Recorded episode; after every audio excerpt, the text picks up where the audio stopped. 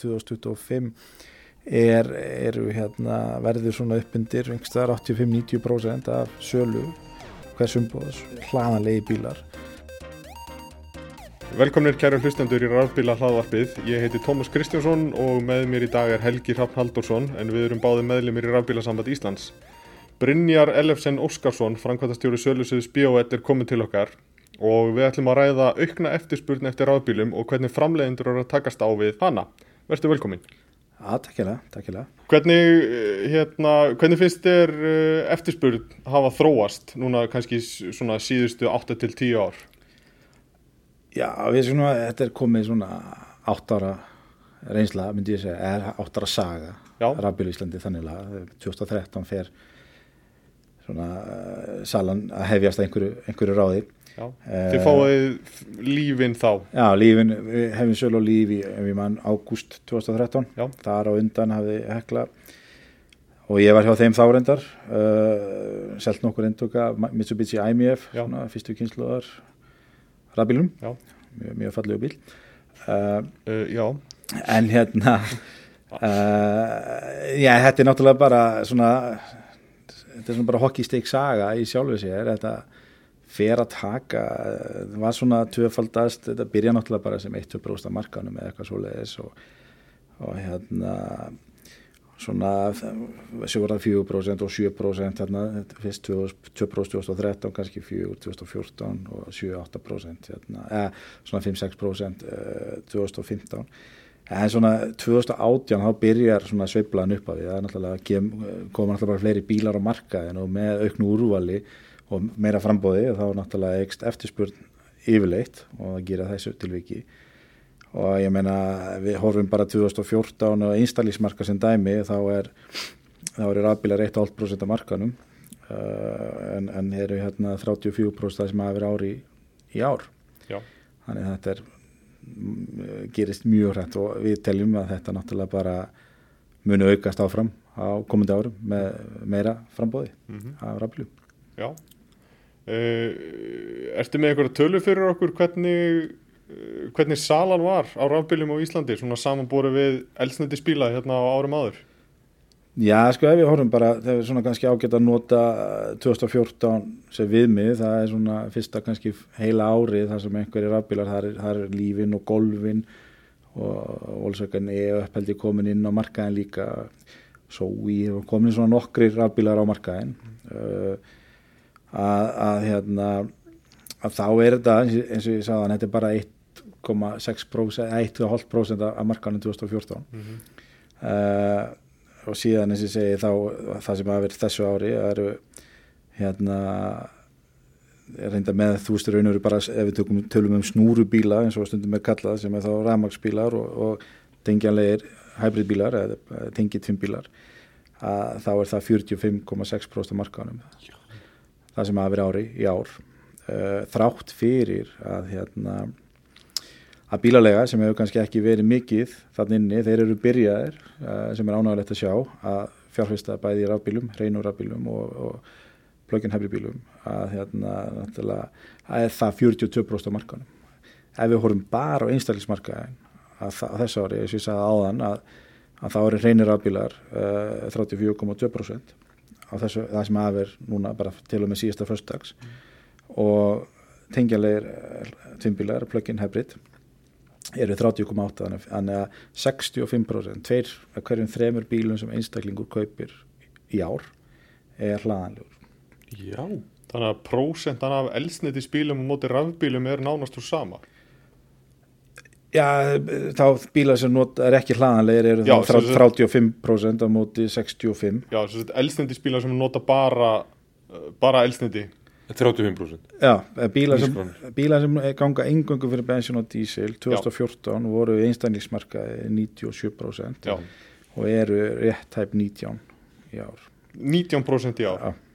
Þetta er að smá breyting. Þetta er, þetta er náttúrulega risabreiting Já. og mekaníkin á markanum hefur breyst mjög hrætt og þetta er, ég tek hérna sjöra samanburð uh, en, en í raun og veru hef, þetta eru svona kannski fjögur til fimm ár sem að markarinn fer að bara, hann bara umpólast í raun og veru. Þannig og verið virkilega gaman bara að fá að taka þátt í þessari hérna, þróun og þessum hérna, já, við raun og veru bara svona disruption á, á markanum sko. Er það svona, er það þín tilfinning að hérna uh, neytandin hafi svolítið kallað eftir þessu, þessari breytingu? Veist, frekar heldur en að framleiðandin hafi byrjað að framleiða vöru sem hann held hann myndi selja, að þá var það frekar neytandin sem kallaði eftir þessu? Það er svona, ég held, ég held í, í sjálfu sér að svona upphafið af þessu, það, það var kannski ekki margir að kalla eftir afbílum í sjálfu sér hérna kringum 2010 eða eitthvað svoleiðis. Uh, ekki eins og kannski fyrir kringum 1970-80 þegar það kemur óljukreppa og. Og, og það kemur ákallir afbíla sem, að, sem því miður tókst ekki að koma á koppin þá þó að það voru metnaði full verkefni í gangi. Uh, ég hugsa náttúrulega pólitík og, og svona ákveðni framleiðendur sem voru framsýtni en aðrir svona íta þess að stað og ég menna við þekkjum það bara með hjá Nissan að við hjá BL við, við vorum svona undir svona ákveðinu svona pressu að setja í gang svona einhver prógram og annað til þess að auka sölu og líf og, og hérna og við vorum reyndar mjög bara til í það og mjög gaman að fá að taka þátt í því svona að við vorum alltaf að berjast við hvernig eigum að selja rafbíla, hvernig eigum að fá fólk til þess að kaupa rafbíla því það voru útrúlega mikið af svona hindrunum eða svona blokkars mm -hmm. uh, í huga fólks og, og það var margt sem við gerðum við vorum að bjóða 45 skila frest á bílnum ef þetta, virk, ef þetta hendar er ekki þá getur við bara að skila á hann við vorum að taka svona tveggja þryggja daga útlán reynslagstur í 2-3 daga og annað svona lega fólki að prófa að fara á þessu bústa og sjá hvernig þetta myndi henda þeim í þeirra svona daglega lífi.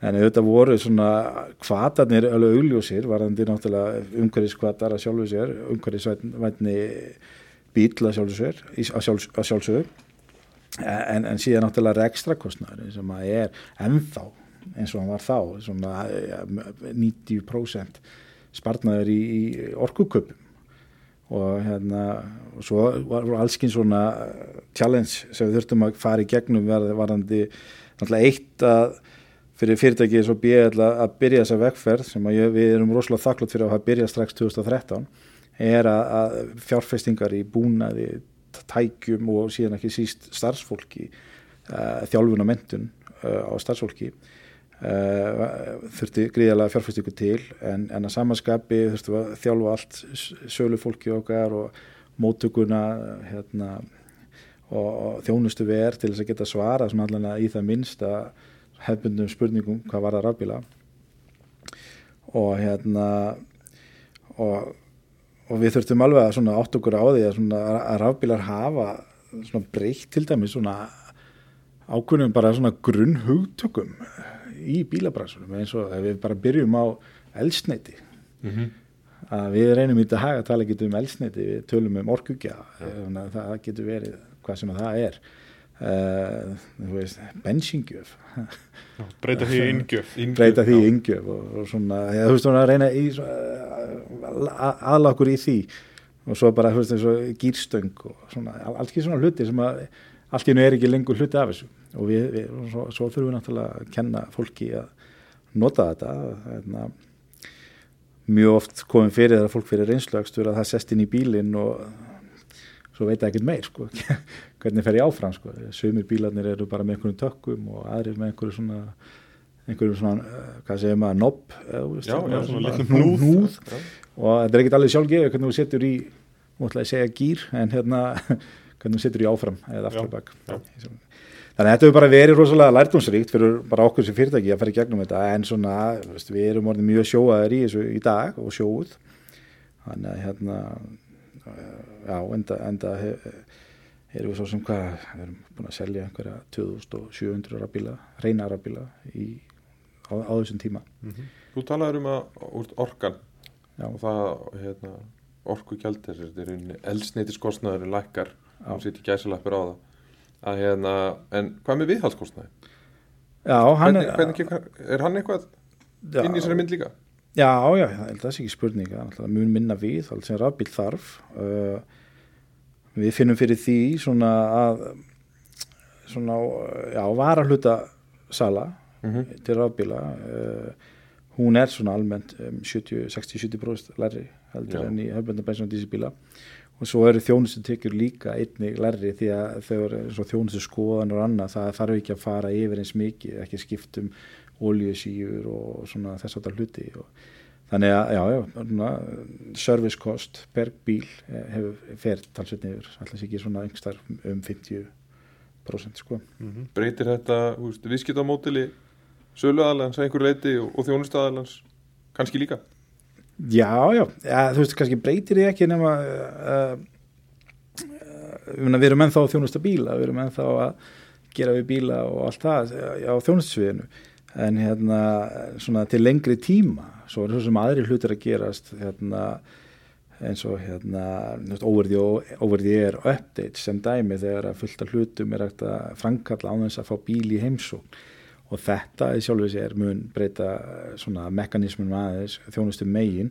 En, en eh, í raun og veru kannski en eh, auðvitað eru bara tækifæri því líka. Það, það, það er ekki spurning en allir við getum ekki þetta leiðir sannlega af sér við bjóðum overall betri þjónustu, við getum þjónustu bíla hraðar og jáfnvel fleiri bíla yfir tíman Já, vel gert við hann á bílaplaninu heimið á mér Já, já, og svona þú veist, fullt, fullt af möguleikum sko, þú veist, að það að þú fólk komi með bílin í viðgerð eftir kannski tíu ári er kannski bara liðin tíð. Og þú veist, þú veist, þetta er miklu meira gert með fagfólki hinum megin á endanum eða þá bara, þú veist, eitthvað svona mobile service að sem að, við erum bara að kerum bæina hérna og ef, ef það þarf eitthvað að tengja sig og svona Þú hérna... talaði líka um sko, þjálfun starfsmanna.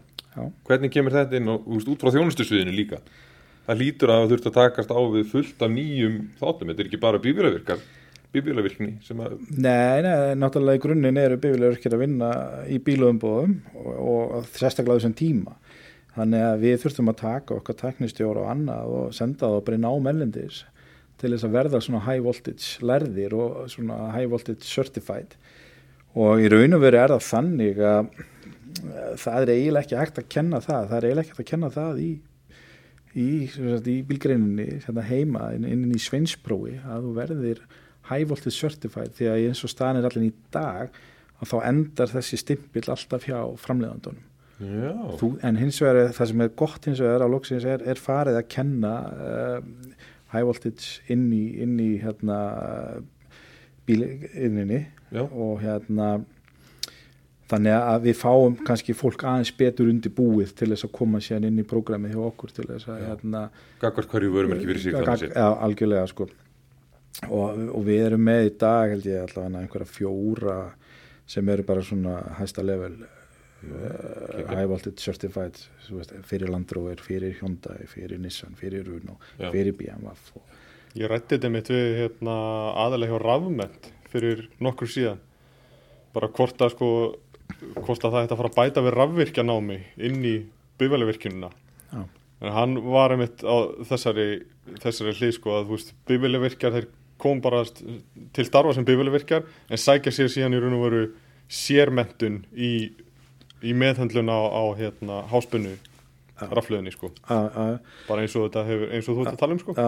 Og það er að bætast einn svona vinnustæðan ám og annað þannig að eins og BL er að leggja áherslu að vera þáttakandi í því. Þannig við, við tökum þátt í mentuninni hjá uh, bílaverkjum og það geta komið til okkar og, og sint hluta af starfsnámi sagt, hjá okkur.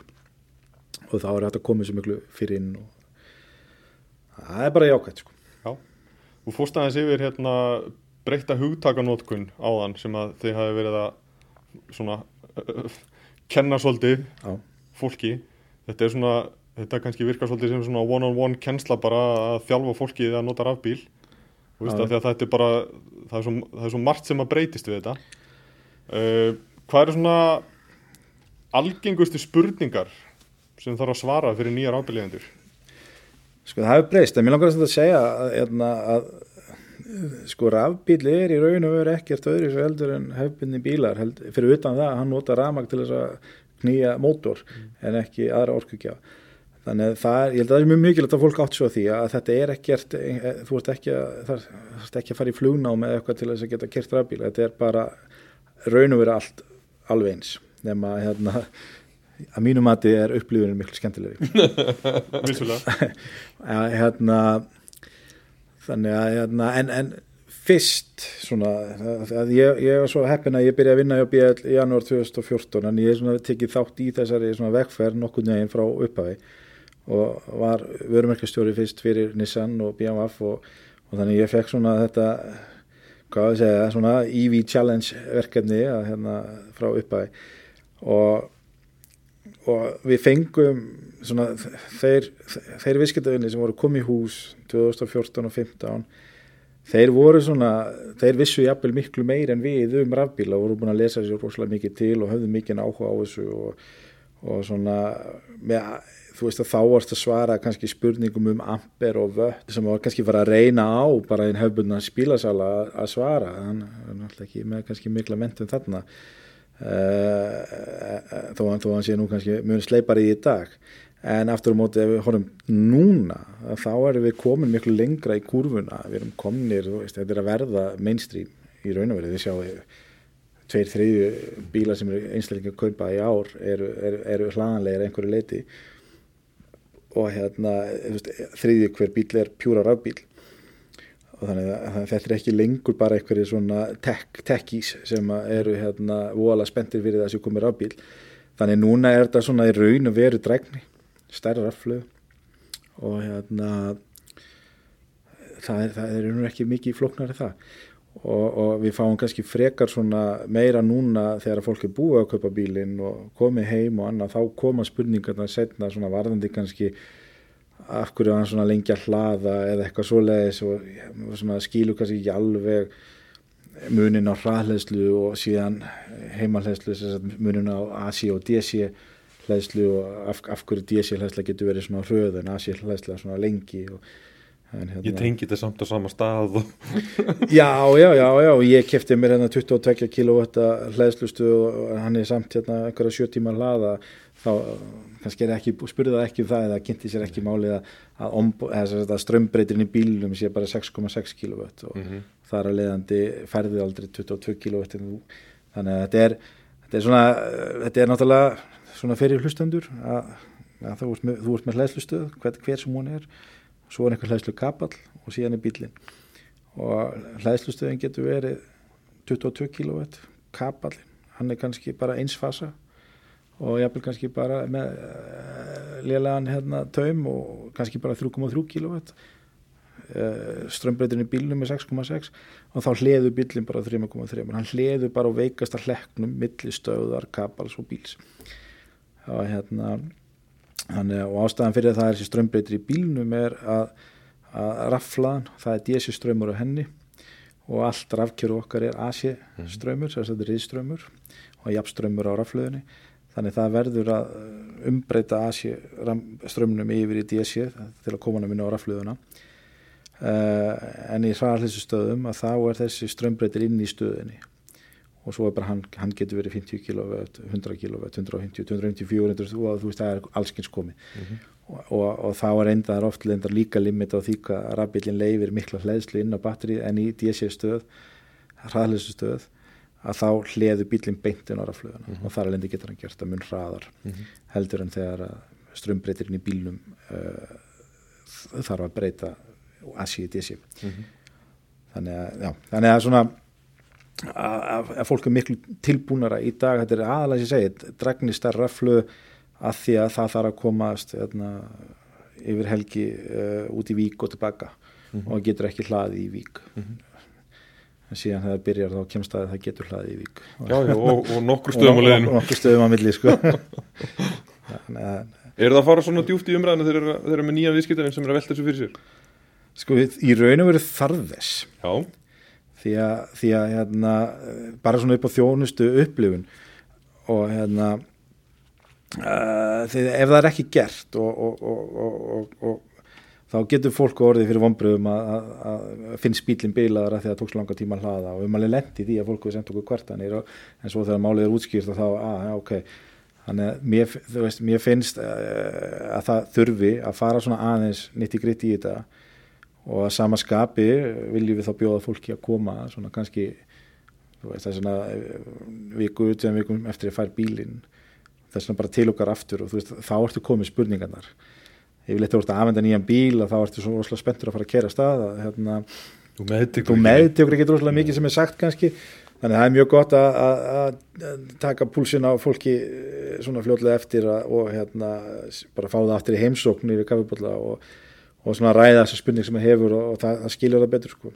Ég meina, nú getur við tekið dæmi frá Apple Apple eru alltaf með svona kynningar, vöru kynningar eða kennslu í sínum verslunum Já. Er þetta eitthvað sem að BL hefur velt fyrir sér? Að bjóða fólki að koma Já, einu sinni viku eru við með byrjandarnámskeið Já, 1, við byrjandarnámskeið 2 Við byggum til hérna rafbílaskólan hérna, sem við heldum hérna uh, byrju, fyrst, eh, heldum hann einhvern veginn í lok 2019 og svo var markmið að fara að halda svona, bara við veit ekki, kannski vikulega tvisar í mánuði eða eitthvað hérna, bara eh, klukkutíma á dag eitthvað hérna, klukkutími í senn. Uh, svo, kom, svo gerist eitthvað kom COVID og hérna út af dollu. og dollu og hann er það svona setti það hans í, bakslag en, en, en það er svo sem ennþá tekniborðinu að, að vera með svona plattform sem að fólk getur og þú veist og þá snýst það bara almennt um um, þú, rafla ja, semst, hvernig það virkar og, og hérna, jú, við getum talað um þróununa og söguna og eitthvað svona gert þetta skemmtilegt. Uh, já, og hann að ég held að sé alveg vettungur fyrir það, bæði fyrir þá sem er að spá í þessu og líka þá sem er að eiga rafbíla sko, þetta, þetta er svona Ég bara hjálpa fá- maður að skilja þetta eins betur sko. Er það satt sem maður heyrir að, að, að, að sölumenn nýra þess að hérna, já, sölumenn hvetja fólk til þess að hlaða með örgisleistækinu sínu í heima, heima bara í heimatenglinum. Uh, eða, eða Neyðarhleðslutæki. neyðarleistæki það er nú svona já sko okkur ber að hvetja fólk til þess að nota hlæstöðar það er svona, svona wallbox hérna, frekar eldur en tæki. Já var- ég, ég vil reynda að meina ef ég, ef ég má tala bara svona Já, þetta er ekki hérna, þetta, nú er ekki hérna, fulltrúi bjell að tala en hérna, það voru ákveð mistök gerð með varðandi eh, sem sagt 220 volta tækin. Þegar fyrstu rafbílandi komið þá uh, þá voru þau öll 10 ampir og eru flest öll 10 ampir ennþá. Þannig að ef, og það ánú verið hægt að nota það svona almennt uh, svona kannski ekki kallaða neyðarhlæsutæki en svona það, þú getur hlaðið svona allan að fyrstu rafbíluna hérna, með því. En síðan fór að koma 12 voltatæki og síðan voru líka komin að marka en tæki sem kannski tjúnað upp í 16 ampir og það er bara stór hættulegt að vera að nota svoleiðis tæki í heima innstungu því að þú þarft að hlaða kannski 8-9 tíma og þá, þá verður hiti á svona miklu amperum í langa tíma. 10 amperin sleppa en, en, en við mælum ekki með því að það sé notað sem svona aðal hlæðslutæki og ekki fyrir bíl ef, þú ert komið bíl sem er eiginlega bara yfir 33 kW að þá ekki, þú, því þá er þú kannski fannig að þurfa að hlaða í 17, 18, 20 tíma. Ef hann tæmist. Ef hann tæmist sko. Og, og það er bara mikið álag á svona uh, venjulegan heimilistengil eða þú veist, en auðvitað myndi ég mæla með því að það ætlar að gera þetta gera þetta almennlega með uh, svona hafðu allt 16 ampera reddi, fáðu rafvirkja að tengja þetta. Og það er alveg eins, það er grein í töflu það er taumur í, á milli og tengilin sjálfur, þetta þarf allt að þóla álag. Eru þið þá að, eru þið að láta fylgja hlæðstöðar eða látið, er það bara það sem kemur frá framleiðandar það er bara, þú veist, ef við verum að kera einhvern tilbúð þá bjóðum við oft lesa stöðuna með og, og, og það er allur gangur af því en, en í sjálfu sér í dag er fólk mikið að koma og er að endur nýja rafbíli sinn og þess áttar og hérna, þannig að það vantar kannski ekki endilega ábóksið já, þannig að það, það er svona frekar svona, bara svona inn á milli þegar við erum með einhver svona átök. Og þú veist, eins og ég segi þú veist, þú veist, að, þú veist að kaupa dýran bíl og hlæstustöðar eru nú hlutastlega ódýrar af kaupunum í sjálfu sér sko en samanskapið þá bara koma að tala okkur við erum alltaf einhverju sanningstöðu sko Já, ég trúi já. ekki öru sko alltaf tilbúin að losa fleiri bíla Nú, kannski ekki núna, fáum einhver bíla er það eða? það er, að- það er smá strögl hérna, og er það bara út á dollu?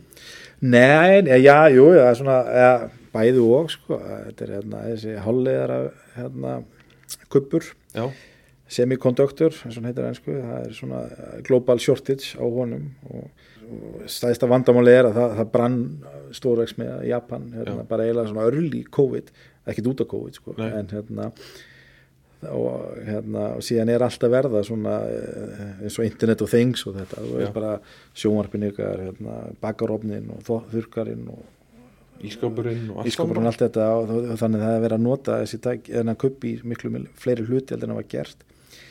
Og það vantar bara meiri framlýslu á hann það er bara Já, þannig. það er bara Álið. Álið á það, álið og svo sem hérna já, já, og, og svona global supply er einhvern veginn búið að vera pínu, er, það er að koma í ljós núna svona eftir COVID, það tekur 15-80 mánuði þegar að verða svona kræsis uh, fyrir svona brest í almennum aðfangakeðum að koma í ljós við erum bara svona kannski auðvitað stórnsins akkurat núna Já. það er ströggla fór bíla en, en, en menn verður bara að vera frekir sko. og mæta með verkir Nei, nú, við, við höfum ekki tilbúin að borga þar að verð sko.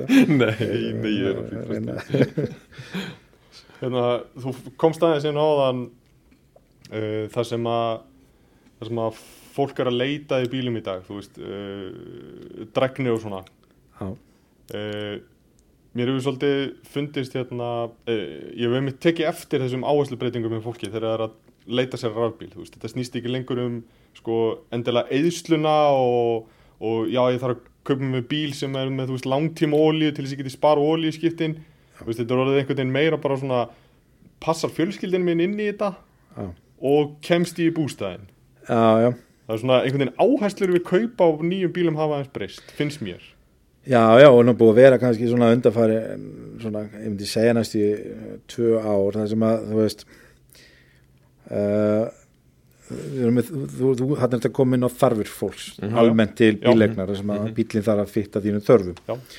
En núna finnum við alveg, og búin að finna það, að, að það er mikill áhugi fyrir því að fá rafbíl, en hann verður að geta að dreigið, hérna, Hjólísið Hjól, hjólísið, hann verður að geta dreigið eitt hálft tonn og, og ég þarf að komast að Akureyri og hérna, ég, ég er með við erum fimmana fjölskylda og við erum með hund og eitthvað svona.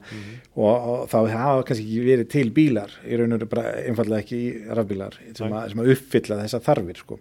svo getur líka talað um að ég vil hafa fjörulutinu bíl hann koma 60 km koma þrem barnastólum inn í hann og ég er með fjó, fjóra miljónir í budget sko. Þú veist, þannig að þetta fittar kannski ekki endilega Nei, en, nei, en nei. það góða er að, að, að veist, það er að koma meira bara núna undanfærin tvö ár er, hefur verið bara, eiginlega bara svona, já, sprengjast inn bílar á markaðin frá bara nánast öllum framleiðandum og, og hérna og eins og til dæmis í dag er BL að bjóða upp á 12 tegundir af hreinur rafbílum eða mismöndi tegundir og við gerum ráð fyrir að næstu 15 mánuðum munum við koma aðrar nýjar 12 tegundir inn í, flóruna. Og mikið til í þessum flokki sem er langum vinsælastur sem eru þessi SUV C flokkur sem eru þessi svona millistóru jeplingar uh, fjórulega dreifið með alveg dráttagetu, kannski ekki allt í einu halvu tonni en það er til dæmis BMW X sem er svona rétt aðeins stærri heldur en BMW X5 bílinn kemur fjórulega dreifin með tveggja hálfs tonna dráttagetu sem er setur ný viðmið í, Mhm. í, í rafbíluflokknum sko. Og uppfyllir þar að leiðandi margar þarfir. Auðvitað þau eru komið 2,5 tonni aftan í bílinn og þannig að eins og eins og bensin og dísibílinn eðir kannski helmingi meira með svona þingslatan í þig náttúrulega eðlilega helmingast kannski dræknin á móti. En, en hérna sem betur fer þá ættir þú nú að ná að milli stöða og komast að akkur það er, Það er stóra spurningin alltaf. Það er, það er einlega stóra spurningi sko. Það er, hefur alltaf verið og er ennþá sko. Já, er- svo þegar rafbílar fór að komast til langur þá var þetta sko til eigilstað Já, það var eiginlega svona, við stundum spáðið hvort það sé ekki bara markmið að komast á Reykjavík til Reykjavík það er, Já, Ringurinn Hringurinn. Já, þetta er, þetta er endar mjög skemmtileg pæling sko, ef að færi sér frá því hvernig sagan hefur verið og hvaða menn að svona aðalega, aðalega spá í núna yfir það, hvað hefur framtíðin í, hvað ber framtíðin skuti hvað erum við að horfa fram á að sé að fara að vera öðruvísi? Já Þú talar um sko fyrir sjö árum síðan þá var BOL að selja einn rammarspíl sem var innabæða snattari Mhm. Í dag eru þið með 12 rammarspíla og eftir 1,5 ár verður komnir 24 já, rammarspíla 24-5 eitthvað svoleiðis. Já. Þannig að þetta er, þetta er náttúrulega eins og, eins og við vitum að þetta er, þetta er náttúrulega algjör sprenging sem er að verða í, í þessu. Já, já, Allir framleiðendur eru að koma með fjöldan allan af veist, þannig að það er bara svona einmitt spurning, hvar verðum við eftir 5 ár? Já, ég sko, sko ég sé fyrir mér að bara mjög líklega í, í þú séum kannski ekki, þetta er ekki yfirlýst markmið en, en kemur ekki óvart að í svona loka árs 22 þá verði afskaplega fáir bílar sem að BL selur sem að verði ekki annarkvært hlaðanlegir eða þá með rafmagna einhverju leiti mm. eins og hybridbílar og þess að þetta er, þetta er að gerast mjög hrætt núna og hérna og ég tel personlega og ekki það, hann var nú, hann var nú mokkin var með umfjöllun og hafið sambandi öll bílum, það voru allir mjög svipað á svipari línu að 2025 er, er hérna, verður svona uppbyndir 85-90% af sölu hvers umbóðs hlaðanlegi bílar. Og, og út frá svona framlegslu plönunum sem við verðum að sjá uh, á næstu 2-3 árin þá verður svo veruleiki algjörlega til. Ég held að það sé ekki ekki spurning sko. Uh, og, og fyrir Ísland er, er þetta eiginlega svona ótrúlega eiginlega svona non-brainer fyrir mér allan að nýta þessa endunílu orku, þessa reynu grænu orku sem við eigum hérna og við eigum nú, nú til aðani til þess að hérna, fara í þessu orkuskipti í bílunum. Mm. og hérna og, ekki, og það hefur náttúrulega hjálpað okkur í gegnum þetta ferli og ég held að allir, allir minni kollegar í, á, á bransanum getur tekið undir það að, að, að þessi reyna orka hefur hjálpað okkur að fá, fá bíla, fá að vera með og vera svona eila pioneers eitt af fyrstu mörkunum til þess að taka mikið af þessum rafbílum sem menn er að koma með. Að Ísland er yfirleitt eitt af fyrstu svona deploy mörkuðunum uh, fyrir þessi produkt ef við værum ekki, ef við værum að kera allt hérna á kóli eða kjarnorku eitthvað slúðir þá, þá hefðu við ekki þessa flottu sög og bakvökkur sem, sem að allir einhvern veginn dyrka sko. Þannig að það er bara það er, ég, ég sé segja, við er ekki markmið ríkistjóðunar að banna sölu á bensin og dísibílum hérna 2030, ég held að mm -hmm. gerist markarinn bara að þetta gerist fyrr. Ég hef sjálfsög ekki ágjör að því sko. Og en hérna en eins og það sko þú veist ég held að, ég held að, ég held að við verðum að átt okkur á því að þetta tekur tíma og við erum að svakala þú veist, hvað við segja, þróunin er svakala flott að mínu mhm. mati eins og sagt ykkur hérna bara sjö árum hvað maður að sjá gerast og þú ert komin í þetta hockeysteik og þetta er, er að gerast núna og þetta er ekkert að vera að breytast. Þetta er bara að fara að halda áfram. Já og, og, og ég menna Ríkistóðin setti sér markmið 2012 í marri ett varðandi að 10% af bílum að umferð 2020 ætti að vera núnir svona öðrum orku gjafa heldur en bara bensin og dísil. Og ég menna ef við hórum bara á ramaspíla tingjanlega hybridbíla sem plug-in hybrid og síðan tökum metanbílana með því þeir voru inn í þessu markmiði að þá er þetta 9,5% af bílum í umferð í dag. Já. þannig á 2021 við erum nála en mér finnst þetta hafi bara gengið nokkuð vel. Og það kannski það bara að taka það, það þar sann sem áður eiga sér stað umræða um framaldið uh, við erum með ákveðna ívalinu í dag mm. á, á ramaspíla og plug-in hefribíla og Ramaspílar eru þannig að fyrstu 6,5 miljónin af söluverðinu er þá vasklaus uh, og hérna þetta gildir út 2023 eða þegar 15 spílar eru seldir. Uh, í dag er búið að selja 815, nei fyrir ekki, meira, það er hérna 8.946, það er tæpa nýju spíla af þessu 15.000 Ég hugsa að við verðum búin að sprengja hana 15 skala fyrir 2020, enda árs 2023, ég hugsa að jafnvel bara fyrir lók næsta árs geti já, já. sá skali sprungið já. í reynur ramaspílum en eins og launir í dag þá bara dettur ívilun af og ramaspílar bara almennt hækka kannski um miljón til 1,6 ég held þessi 1560 í verði. Það þarf vel að taka umræðum hvað hva kemur næst og eðlilegt að ívilunni mingi yfir tíma en það þarf að feita þetta út á einhverjum tíma. Þetta getur ekki bara verið allt og svo ekkert. Já, það er líka framleyslu kostnaði við rafbíla sérstaklega náttúrulega raflöðina hefur svolítið minkað Já, já, já, hann er algjörlega sko, það sem hefur gerst náttúrulega er að þú veist, fyrstu rafbílaðinni sem voru að koma voru átján til kannski 24 kíló raflöði, núna er þetta já. svona almennt, þú veist, 40 er lámarkið sko, þetta er svona meira 50 upp í og svo núna, bílarnir sem er að koma núna er svona 70 til 100 kíló þannig að þú ert að fá miklu meira uh, miklu starra batteri, meiri dregnin náttúrulega en, en, en bílarnir kannski hafa ekki hækkað það mikið í verði. Nei. þannig að það er náttúrulega því að formilskostnaður raflunni hefur lækka það var lengi vel talað um að, að rafbílar myndi fara undir bensínbíla og dísibíla í framlýslukostnaði svona einhvern 2025 en núna er kannski verið að tala meir um 2027 en það er kannski að því að raflöðin eru mjögulega stærri heldur en hérna í bílónum heldur menn kannski töldu uppaflega þú veist, þú veist að fá meiri kílóvött í, í, í, í hvern, hvern bíl sko. Þessar ívílunum sem þú talar um, það er náttúrulega búið, er að framlengja þér einu sinni. Og, og það tóku svona einni stökkbreytingu það er ekki um áramótin 2021 er það ekki, fóru úr 6 í 6,5 Jú. Já, Já, mynd, myndið þú vilja sjá stjórnmjöl gera meira?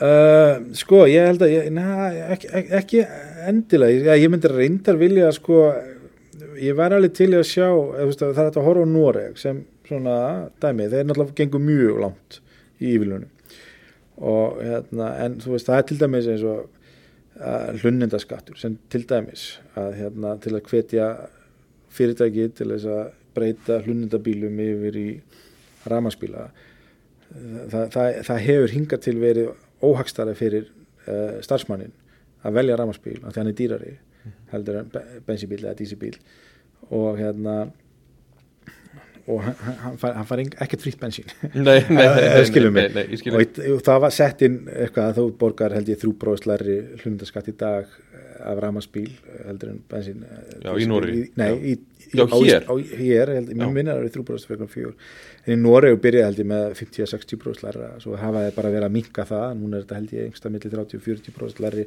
hlundaskattur það mætti kannski beita sér þannig uh, og síðan er alveg spurning hvernig, veist, það, það er bara umræðs að taka, veist, það þarf, að breyta að það náttúrulega konverta bílalegu flótunum okkar. Bílalegu flótunum okkar er uh, er sirk, eða var þegar hann var nú bestur aðeins, breyst undanfarna átjámáni en hann, hann hefur farið upp í svona 26 úrs bíla sem er svona cirka 10% af hérna, öllum bílum á göttunni uh, En þeir kaupa hvað 40 og einhver prósent á ári Af öllum nýjum bílum Já, þetta hefur verið, þetta verið svona undanfærin ár svona engstar milli 35 alveg upp undir 50 það fer bara þetta í hvernig árferðið er bílabransin er alveg upp og niður sko. Já.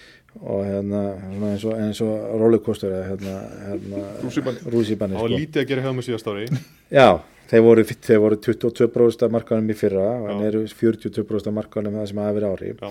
í ár en stráttur í það, þá, þá helst þetta hlutvall af snúrubílum. Það var það var 44,9 í fyrra og 45,6 í ár, það er aðeins upp Mhm. en það tók mikið stökk í fyrra.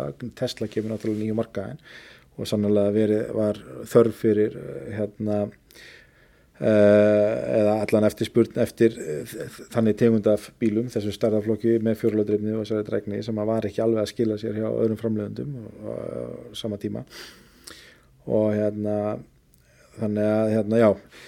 En það þarf að, með, tíma helst uh, á einhverjum 57 árum að konverta þessum flota bílalegu flotanum yfir í batterísbíla og það er einhverja ívillan í, gegnum það ferli. Að það náttúrulega þarf gríðalega innvið uppbyggingu til þess að við þú veist, að verða þú veist, eitt bílalegu bíl er kerður á við fjóra bíla sem ég á.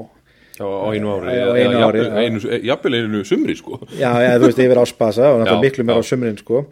Og, og hérna mikið náttúrulega út á landi og, og hérna þannig það þarf að byggja upp gríðarlega uh, þéttni þetta hlæðslustöðum uh, bæði svo sem hraðlöðslum bæta við þar og síðan einnig svona bara asi hlæðslum sem eru svona Áfangahleðslum, sko. og hjá sem geta verið á hótelum og gistustöðum og þess áttar og jafnvel einhverjum hérna, og hva, hvað með tjálstæðin og, og þess áttar, ég meina það er það er, hérna, fullt að tækifærum hana og ég held að og eina leiðin til að gera þetta veruleika svo stundum tíma þá þarf bara, það þurfa rosalega margir að taka þátt.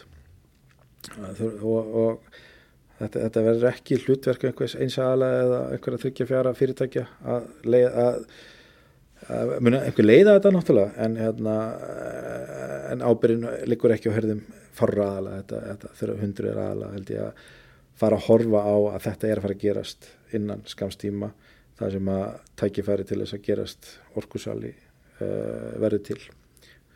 Þú ert, ekki, þú ert ekki bara að tala um orkusala eins og þeirra sem að er að selja orku til heimila, þú ert að tala um líka hótelin, þú ert að tala um Já, að þessir já, já, aðeinar já. verð, gerast orkusalar þeir gera já. sko. þeir, þeir setja upp stöðar og, og rukka fyrir það að, að einhver hlaði hjá þeim Já, og, og síðan náttúrulega eru aðrir orkusalar undir þar Mhm. bæði framleiðendur, smás, heilsalar og smásalar og orku Já. og Íslands samfélag mun náttúrulega hagna skrýðar á, á, á, þessari þróun ég menna þetta er allt innlend orka sem að er framleitt af uh, já, fyrirtækjum í okkar eigu Mhm. einstaklingana Mhm. og hérna og greiðarlega öðlind held ég sem liggur í þessu sko Mhm. og ég menna þú veist þetta eru alveg alveg hátt í 5-10 þúsund bílar þú veist bara svona meðatæli á dag út á þjóðum okkar sem eru bílulegu og þetta þarf þjónustu á hverjum einasta degi Mhm. í framtíð Heldur þessi betra að svæðaskipta þessari upp, uppbyggingu fyrir heldur en að reyna að gera eitthvað plan fyrir allt landið? Veist, byrja á leiðinni Reykjavík Akureyri, fara síðan Suðurlandið. Já, sko, þú veist, þú getur náttúrulega gert eitthvað hitta mapp, sko, Þa, það, það, það, það er ekkert mál uh, og ég myndi halda svona þessi gullni ringurinn og það svæði svona sviðvestur hodnið sé náttúrulega eitthvað sem að sé alveg rakidæmi að, að hérna að aðilar á svæðunum fara að hugsa hvað get ég gert já. Og hérna og, en, en já, já, þú veist. Umfyrin hættir Ég- jökulsálunum strákar sko. Nei, ég er að náttúrulega, þú veist að auðvitað, auðvitað viljum við fá túrisma um all land og, og, og, og hérna og, en, en ég held að svona, þú veist, vest, ég held að svona það þarf algjörlega að gera einhverja þargringu fyrir uh, vesturland og síðan næstu með náttúrulega norðausturlandi, það er ákveðið svona black zone, það. eðimörkarna Já, já. já, já, Bæði literally og líka bara rafast já. sko. og það þarf að, leysa þetta þar tengja þjóðveginn betur. En auðvitað náttúrulega eru hins vegar þessi rafbílar sem munum fara inn í bílalegu eftir sem ég gerir ráð fyrir að fara að byrja allavega. Það er byrjað í dag algjörlega. Um 5% af bílalubílum í ár eru reynir rafbílar. Þannig að það er frábært. Uh, mónandi eftir þrjú ár er þetta komið á svona gott strík og þá er það náttúrulega ekkert einhverju 24 kW bílar eða 30 kW bílar. Það verða 75 80, 90 kW já. bílar sem, a, sem að geta alveg kert frá mývatni yfir á eigilstæði þannig að, veist, það er svona, þannig að þetta snýst ekki um að það séu Nei, nei. en, en hins vegar er gríðalt tækifæri fyrir eiginlega hvert sem er, hvort þú sér bara mat, maturuverslun eða e, að að koma þér upp læðslaðastu og fara svona fá addon seil sko Já, líka hlæðslu hægðun hjá ferðamönnum er allt öðruvísi heldur en hjá til dæmis mér og þér sem erum að fara til Akureyra. Þú veist, við stoppum eitt stopp til þess að fjölskyldi geti farið út að pissa og meðan ferðamæðurinn stoppar miklu örar til þess að skoða landið og að, að, Hann tekur líka jafnvel í Reykjavík sko í, í, í, í sko nokkru dögum já, já, Já, akkurat. getur Þannig að, gert það sko þannig að einmitt, þá komum við inn á eins og við höfum rætt á þau sko að það er ekki nöðsinn að hafa hraðhleðslu, 150 km hleðslu allstaðar. Nei. Þú veist, þú gætir verið með, þú gætir keirt á 22 km asílhleðslu bara á svona, á svona minni stöðum sko. Já, ég meina eh, og bílarnir líka er að fá eh, svona almennt betri onboard charger eða sem sagt, hérna, þessi strömbreytir, innri strömbreytir í bílónum sem að voru svona 3,3 til 6,6 kW til að byrja með. Við erum að sjá mikið til 11 og ég meina, raun og svo ég vera lengi verið með 22 kW en við fyrir að sjá þetta alveg í 22 kW en sennilega líka mikið í framtíðinni sko. Þannig að þú ert að fá hraðari hlæðslu á asílhæðslustöðunum heldur en hefur kannski verið að sjá undanferðin ár. Þannig að þú ertu kannski að fá 100 km á klukkutíma Af þessum 5% sem þú veist, vi, vitnaði til áðan að, sem að voru ra- hreinir rafmagsbílar hjá bílalegu Já. veistu hvort að þetta séu ferðamaðurinn eða hvort þetta séu langtímalegan eða, eða fyrirtækjalegan? Þetta er sjálfsagt bland. Uh, og, og, og líklega svona sumarlegunar sem við við erum náttúrulega í sambandi við gott, mikið og gott samtal við bílalegunar og hérna en það er til náttúrulega þessi svona uh, city lega það sem að menn er að koma hérna ráðstöfnur og eru ekkert að fara út fyrir Reykjavík og þá er þetta svona bílar sem eru hugsaðar fyrir það.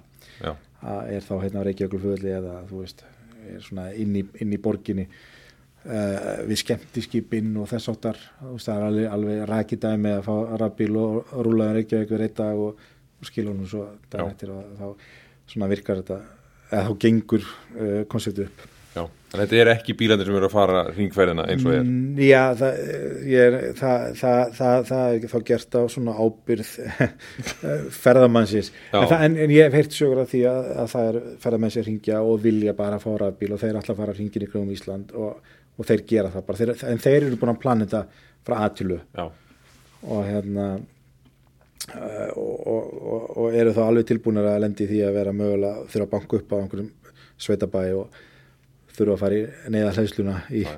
og, og taka kaffiballa með bóndanum sko. Ég held nú líka sko snjallvæðingin eins og með hérna Plugshare appið það er nú býstna vel uppfært sko og ég, þú þarfst nú ekki að þekkja staðarhætti mjög vel á Íslandi til þess að finna næstu stöð sko Nei, nei, og það er mjög mikilvægt allir þeir sem að taka þátt í innu uppbyggingunni mm -hmm. uh, tryggi sér sínileika uh, í gegnum þessa, þessa, þessa hérna þessa grunna hvort sem að það sé, þú veist eins og uh, uh, já, plöggsir appið og hérna og svo er kannski vitna í í sorkugrunnin sem að keirir á virta sem að er finnst fyrirtæki sem að er að oppreita í mörgum eh, mjög, að, mann ekki einhverju 30 löndum í Evrópu. Þannig að það eru margir sem eru með þegar með app sem er þeirra hlæðslu app uh, sem að, sem að veist, Ísland getur alveg komist inn á. Bara þetta, þetta þarf bara að vera á ákveðinu networkum og þú getur verið með stöðuna á fleiri en einu, einu networki. Og en, en ég held að það sé mikilvægt að menn tryggir sér aðganga að hérna, sínileikanum Þetta eru bara einhvern konar markaðir. Þetta þetta er, já, og, og það sem er, það sem að er að breytast þarna er líka neytandinn er að frá því bara rafbildin komu að þá kom þetta, þú veist, Plugshare hérna appið, það var, nú, var kannski, var ekki app fyrst, það var nú bara hérna vefsíða, það sem menn gáttu skráð stöðuna sinnar inn og þannig að rafbíla eigendur eru búin að aldrei uppið það að, að, að þeir geta verið með næstu stöð og síðan náttúrulega greiðslu method í höndunum á sér. En ekki að keira eftir þjóðurum og býja eftir að sjá næstu bensinstöð og stoppa og, og fylla á. Þannig að hérna svona, eins og ég sé sko þegar þú komið með, þú veist að koma 2 miljónir ferðamanna 60% af þeim er að fara að nota bílalögu bíl þú vilt vera, sín, vera sínilegu þeim Já, já, já. Þa, það, það er nummer 1, 2 og 3 Já. þannig ef ég get gefið einhvern ráð að setja upp stöð verður sínilegur já. Já. Keirið þú að ráðspil? Já, sko, ég, ég, ég átti ráðanspil í hérna uh, já, þrjú, þrjú fjóra ár Nissan Leaf fyrst gamla, gamla sæta og svo fekk ég nýja bílinn þegar hann kom. Hann er byrjað að svitna. Og hérna ég hef þurft að sætta mig við plug-in hybrid bíl núna uh, undarfarið ár. Og hérna að því að er svona fjölskyldu starrið mín er, er þannig að ég þurfti starri bíl. En ég er að fá rámaspíl já. Nú, hvernig? vonandi, vonandi fyrir jólin. Já, það er náttúrulega þarna BMF EX Já, það, vel gert sem mun setja ný viðmið. En bara það, já, já, virkilega spennandi tíma framöndan og vonandi fyrir áramót getum við hjá BL kynnt hérna nýjan M- Marvel R frá MG sem er svona fjórlega drifin træmótor hérna, jeflingur og hann verður, með tvo verður nýtt í rámaspilum á tækaninn sko. Tækaninu með kýrkassa Já, já, já, já, það er rétt en nýtti okkur. Já, já, og svo hérna EX og svo voru náttúrulega að kynna Ioniq, Honda Ioniq 5 núna Já, já. bara í síðustu helgi eða þar Já. síðustu, ef ég man rétt. Það var mjög ég fór að skoða hann um daginn. Já, mjög gaman að koma inn í Íslands bílöfumbóð og allir sem voru í salnum voru að skoða rafbílinn. Já, já, já, það er svolítið mikil breyting frá því sem áður var. Það er það.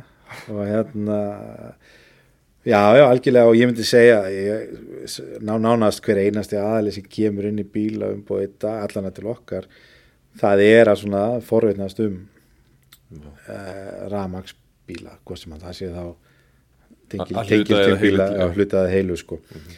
Og það er me, mikil svona meðbyr með þessu, það er mikil með, uh, hvað segja, svona vitund uh, hjá fólki og líka gaman að sjá sérstaklega svona eldra fólki sem að svona maður sér alveg svona að, að það er svona loksins að fá ramaspíl sem fór kannski í gegnum hérna var ungt þegar að menn byrjað hérna um 1980 eða svona sent 1970 að tala um rafbíla og þeir áttu að koma hérna upp úr 1980 og síðan hefur þetta allt, dóið alltaf einhvern veginn því miður.